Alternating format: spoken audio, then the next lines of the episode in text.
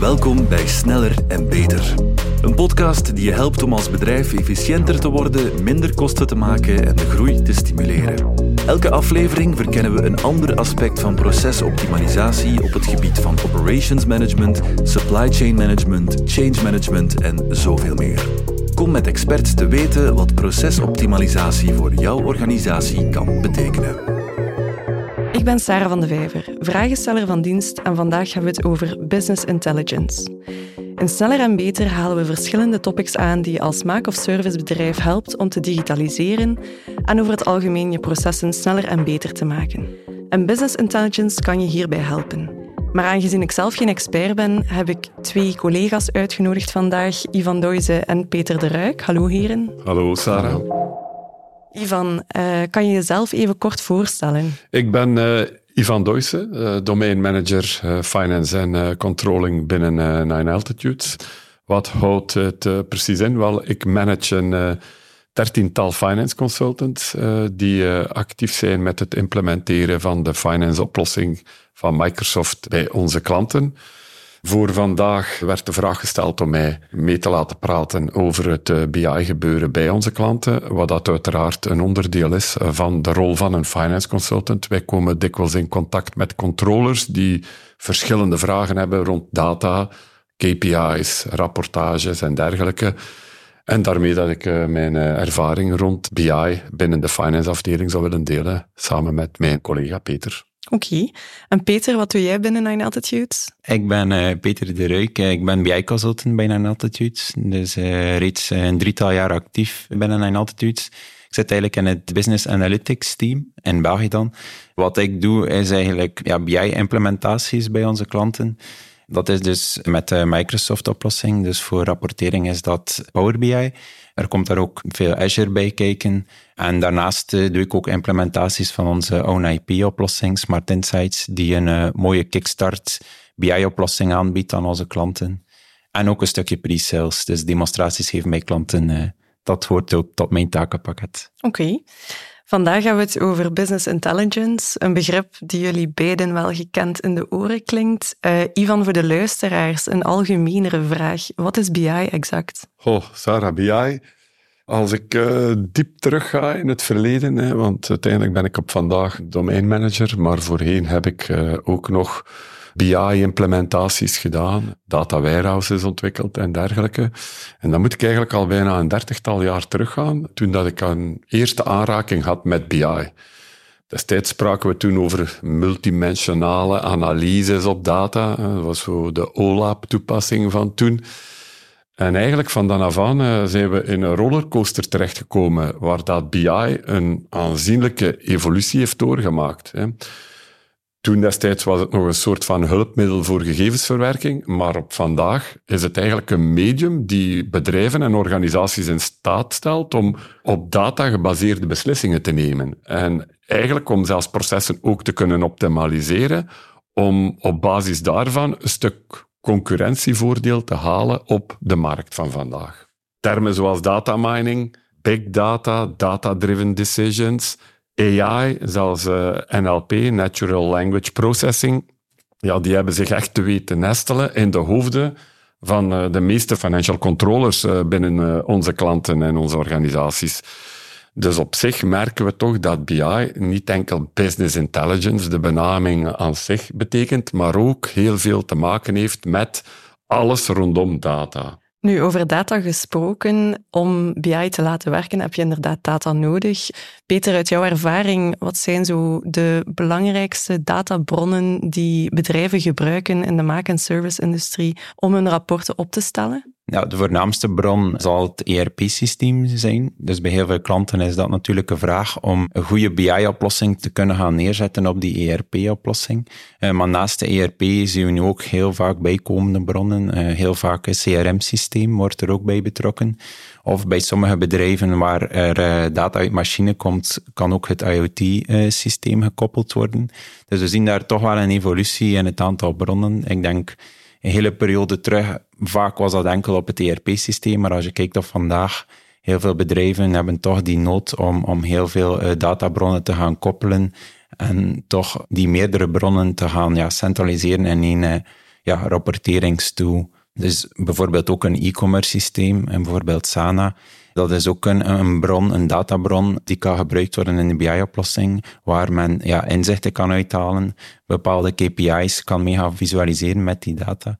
Dus uh, je ziet toch wel een evolutie naar ja, steeds meer nood om op meerdere bronnen te kunnen uh, rapporteren. En is Excel nog altijd een veelgebruikte bron binnen bedrijven? Ja, zeker. Excel inderdaad uh, gaat al heel lang mee en is nog altijd tot vandaag heel relevant. Wat merken we vaak is dat Excel zeker in een finance context nog altijd heel belangrijk is. Qua databron zien we heel vaak dat bijvoorbeeld een budget wordt opgeladen via Excel. Bijvoorbeeld bepaalde targets wordt ook heel vaak via een Excel-file uh, in een BI-oplossing opgeladen. En maar we zien dus zeker ook binnen het finance domein dat Excel als rapporteringstool ook nog altijd heel vaak gebruikt wordt, omdat dat toch een meer ad hoc manier van uh, rapporteren mogelijk maakt. Ja, en gaat dat ooit weggaan, denk je? Naar mijn mening niet, omdat Excel heeft heel veel mogelijkheden, heel veel opties. Dus als rapporteringstool blijft dat voor mij een heel, heel mooie rapporteringstool. Zeker ad hoc analyses is dat een ideale tool om mee te werken. Ja. Ivan, je sprak daarnet over het feit dat BI eigenlijk al een hele tijd bestaat, maar dat het belang van BI de afgelopen jaren steeds meer heeft toegenomen. Heb je die verschuiving ook gemerkt en waarom is die verschuiving gebeurd? Wel, ik denk dat BI, data, zoals ik er net al een stuk aangehaald heb, meer en meer uh, aan belang heeft gewonnen uh, binnen de bedrijven. Nu, destijds merkte in de praktijk, uh, waar wij dikwijls mee geconfronteerd werden, dat het belang heel dikwijls lag bij het gestructureerd en snel kunnen ingeven van data. Waar dat daar een focus lag op het vooral kunnen ingeven van data in een systeem. ERP, CRM, eender welk data-driven systeem. Waar dat er een verandering in mindset gekomen is doorheen de jaren en er nu meer en meer een focus ligt, of alleszins verschoven is, naar het kunnen uithalen van data uit een systeem en eigenlijk die data gaan omzetten om bijvoorbeeld trends en voorspellingen te gaan beheren. Ja. En daar zie je dan dat business intelligence eigenlijk enorm aan belang heeft gewonnen. Om maar aan te geven, denk 80 tot 90 procent van de bedrijven vandaag sturen een organisatie op basis van rapportering. Ze willen eigenlijk beslissingen nemen die gebaseerd is op data uh, uit het verleden. En in de praktijk, als finance consultants, zien we bij implementaties dat er meer en meer bij de start van de implementatie al wordt stilgestaan over de verwachtingen met betrekking tot KPI's insights en rapportages. Hè. Daarbij willen we ook de boodschap geven dat we niet meer moeten wachten tot op het einde of tot we al redelijk ver gevorderd zijn in de implementatie.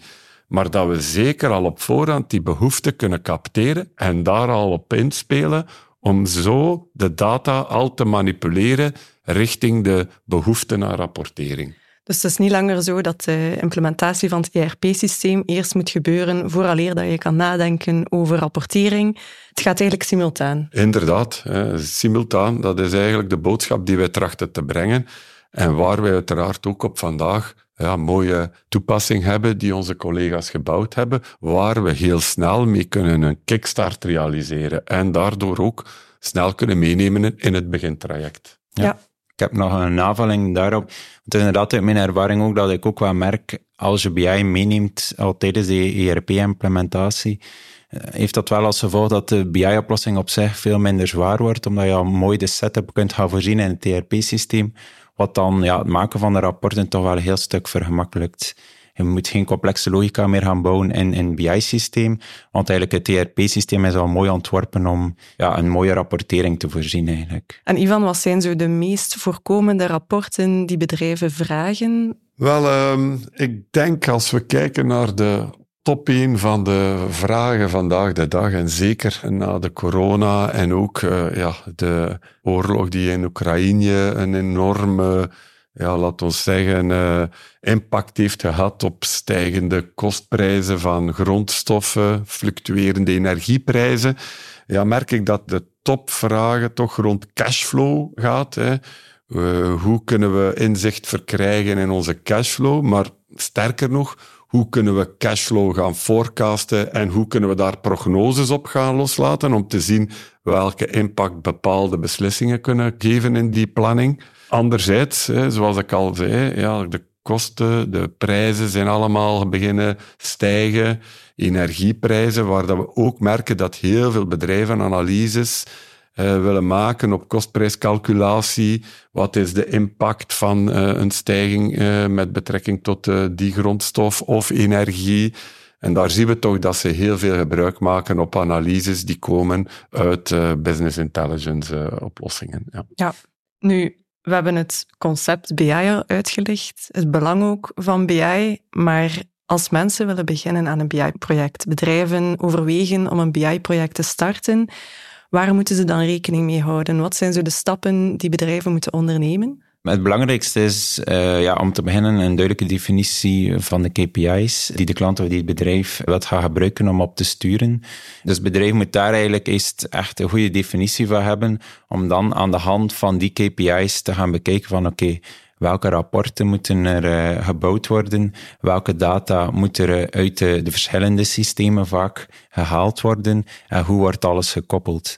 Dus ja, wat doen we heel vaak is dan eigenlijk per domein gaan opsplitsen. Zo pakken we meestal het project aan. Zodanig dat we dan per domein leggen we die KPI's uit. En per domein gaan we dan ook gaan kijken van uh, hoe we dat rapport kunnen gaan opstellen. En met de key users van elk domein van de klant gaan we daar ja, eigenlijk mee aan de slag. En zo werken we eigenlijk een soort van sprint per domein. En werken we elke sprint af en gaan we zo verder in het project. Dus het belangrijkste om te starten is de KPI's goed krijgen vooraleer dat we verder kunnen gaan ja. Eh, met de klant. Ja, klopt, inderdaad. En wat zijn dan de typische uitdagingen als een bedrijf een BI-implementatie start? Um, er zijn toch wel wat uitdagingen. Met STIP heb ik op nummer één uh, ja, als grootste uitdaging het bouwen van een single source of truth.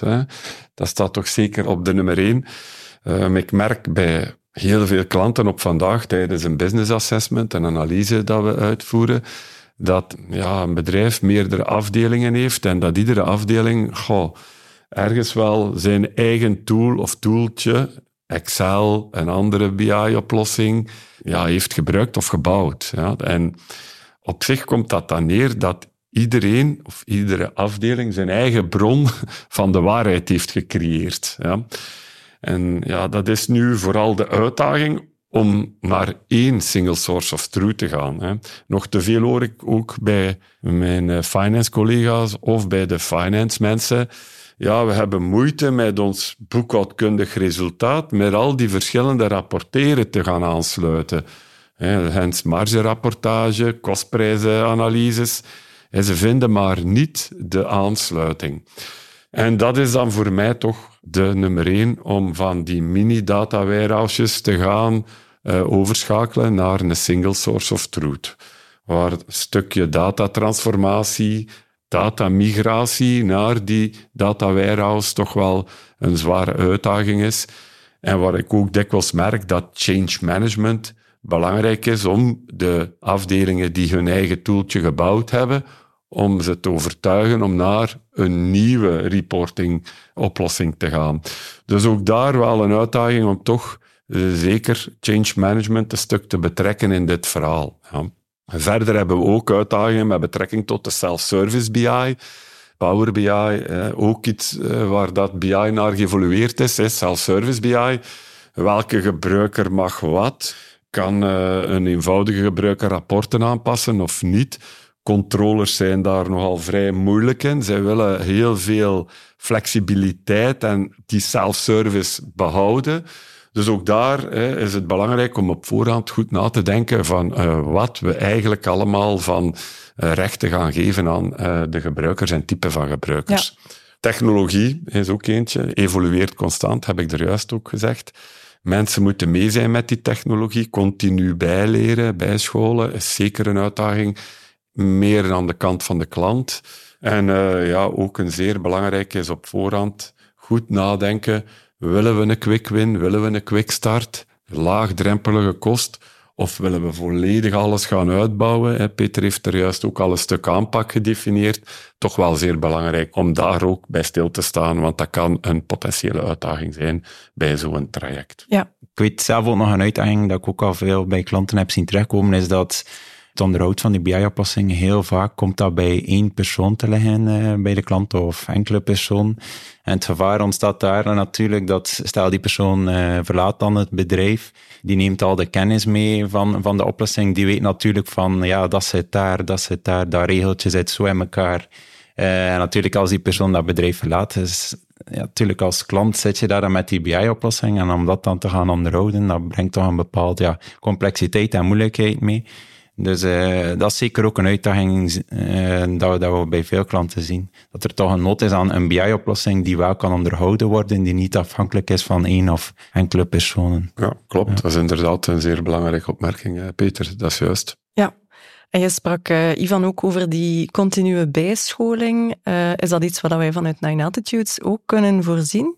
In feite wel. Hè. We groeien naar een, eh, een digitaal platform waar dat we ook via weblearning en dergelijke klanten trachten te stimuleren om via dat kanaal of medium zichzelf bij te scholen. Uiteraard kan een klant ons ook altijd op vandaag inschakelen om trainings bij hun te geven. Maar ja, de oplossing aan zich is een bekende speler op de markt. Je kan heel veel informatie en trainingen volgen op eender welk platform gerelateerd aan Power BI, eh, wat eigenlijk ook wel een deel is van onze oplossing. Ja. Nu, Peter, gezien jij ook in het BI-team zit bij ons in binnen Nine Altitudes, wij hebben ook een eigen oplossing, 9A Smart Insights, gebaseerd op Power BI. Wat is dat juist? De oplossing 9A Smart Insights is eigenlijk een, een out-of-the-box BI-oplossing die wij aanbieden aan onze klanten. Je moet dat eigenlijk zien als een kickstart in rapportering. Dus de klant kan kiezen voor een bepaalde set aan rapporten, waarmee dat ze eigenlijk een standaard rapportering eh, krijgen. En vanuit die standaard kunnen ze gaan aanpassen, zaken gaan bijvoegen. Maar echt de waarde zet hem in, in een hele, op een hele korte termijn en een mooie BI-oplossing kunnen neerzetten bij die klant. Ik heb gesproken over de out-of-the-box rapportering, maar eigenlijk onder die rapportering zit er ook die single source of truth, zoals Ivan ook aanhaalt. Er zit daar één datamodel achter die dan echt die waarde meebrengt van oké, één datamodel, we hebben één single source of truth. Als de klant dat datamodel gebruikt, dan zal die telkens op die ene bron van de waarheid komen. Dus bijvoorbeeld een omzetcijfer zal overal in de rapportering uh, gelijk zijn, want het is één berekening die, die erachter zit. En het mooie ook aan die oplossing is dat het het toelaat om, om meerdere bronnen te gaan koppelen. Dus als een klant ook uh, naast het ERP-systeem naar andere databronnen heeft, dan laat die Kickstart-oplossing het ook toe om die te gaan koppelen op dat systeem. Maar de waarde zit hem dus echt om op een korte termijn een heel mooie BI-oplossing neer te zetten. In tegenstelling tot een custom BI-project, waar je dus eigenlijk van nul af aan begint, kruipt je daar heel veel tijd in om alles ja, te gaan opzetten, zowel het datamodel als de rapporten die op dat datamodel gelinkt zijn. Terwijl we hier met onze oplossing toch van een standaard vertrekken waarop men kan verder bouwen. Ja, dus een grote waarde is eigenlijk het snel kunnen beginnen en starten met de BI-oplossing. Ja, inderdaad. Omdat ja, uit ervaring zien we ook dat BI-projecten die ja, van nul af aan beginnen, dat kan echt al uh, oplopen van, van weken tot maanden, als het niet langer is in ja, doorlooptijd, om eigenlijk tot iets te komen die de klant kan gaan gebruiken. Ja. En kan je voor de luisteraars ook een voorbeeld geven van een klant waar we 9 Smart Insights hebben geïmplementeerd? Ja, een klant waar ik eh, de BI-implementatie heb gedaan van Smart Insights, dat is eh, recent Allevision geweest. Bij Allevision hebben we eigenlijk gefocust op twee domeinen. Dat was eh, finance en sales. We deden daar tegelijk ook een implementatie van finance en operations. En dus daarnaast ook de implementatie van Smart Insights. En dus daar hebben we de standaard van ons finance rapport en ons sales rapport neergezet. En dan hebben we eigenlijk twee sprints doorlopen, eentje voor finance, eentje voor sales. En dus tijdens die sprint starten we altijd met de workshop, dus de finance workshop, waarin we met de klant dat standaard rapport doornemen. En in die workshop geeft de klant dan aan van oké, deze standaard visuals zijn nuttig, deze misschien minder. En dan doen we aanpassingen naar gelang uh, de klant dat wenst. Ja, zo handelen we eigenlijk elke sprint af en heeft de klant eigenlijk op een heel korte termijn een rapport waarmee ze aan de slag kunnen. Dus bij het voorbeeld van Aluvision ging de FNO-implementatie gelijk met de BI-implementatie. Ja, klopt. En ja, zo is er ook wat afstemming geweest met onze ERP-consultants. Tijdens zo'n sprint komt er soms een bepaalde requirement naar boven uh, voor de rapportering, waar we dat dan hebben kunnen opvangen door een kleine aanpassing in het FO-systeem. Wat dan een voordeel gaf, want anders allee, moest er al BI-logica worden bijgebouwd, wat misschien meer tijd nam of wat het misschien complexer ging gaan maken. Dus, Klopt. Zo ziet de klant eigenlijk heel snel resultaat en merkt hij wat het voordeel is van data te capteren binnen het ERP-systeem. Traditionele, oudere implementaties gingen we eerst de focus leggen op het kunnen verwerken van data in de ERP, maar waar dikwijls de rapportering stukje uit het hoofd verloren en ging de acceptatie van het systeem veel trager. Nu zien ze onmiddellijk het resultaat in hun rapportering en gaat uiteraard die implementatie uh, rapper uh, kunnen geaccepteerd worden en, uh, en gebruikt worden. Hè. Ja. ja, heel interessant. En naar de toekomst toe, Ivan, hoe zie jij BI nog evolueren? Oh, ik zie BI zeker en vast nog evolueren. Ik heb het er juist gezegd, eigenlijk is BI in een rollercoaster van een continue evolutie terechtgekomen. Dus naar de toekomst toe verwacht ik enorm veel. Hè. Als ik kijk naar Microsoft, weten we dat die enorm inzetten op data Azure Lake, op AI, op machine learning. Dus ik denk, als ik er dan eentje mag uitpikken, dan zal het toch zeker AI en machine learning zijn, waar dat ik veel sterkere integraties verwacht naar de toekomst toe. En waar dat ook data management nog belangrijker gaat worden als vroeger. Dat zal nog een cruciale rol spelen in heel dit verhaal. Want op basis van die data die we in het verleden al gecapteerd hebben, gaan we nog meer verborgen inzichten kunnen gaan blootleggen en gaan bedrijven nog accurater voorspellingen kunnen maken naar de toekomst toe.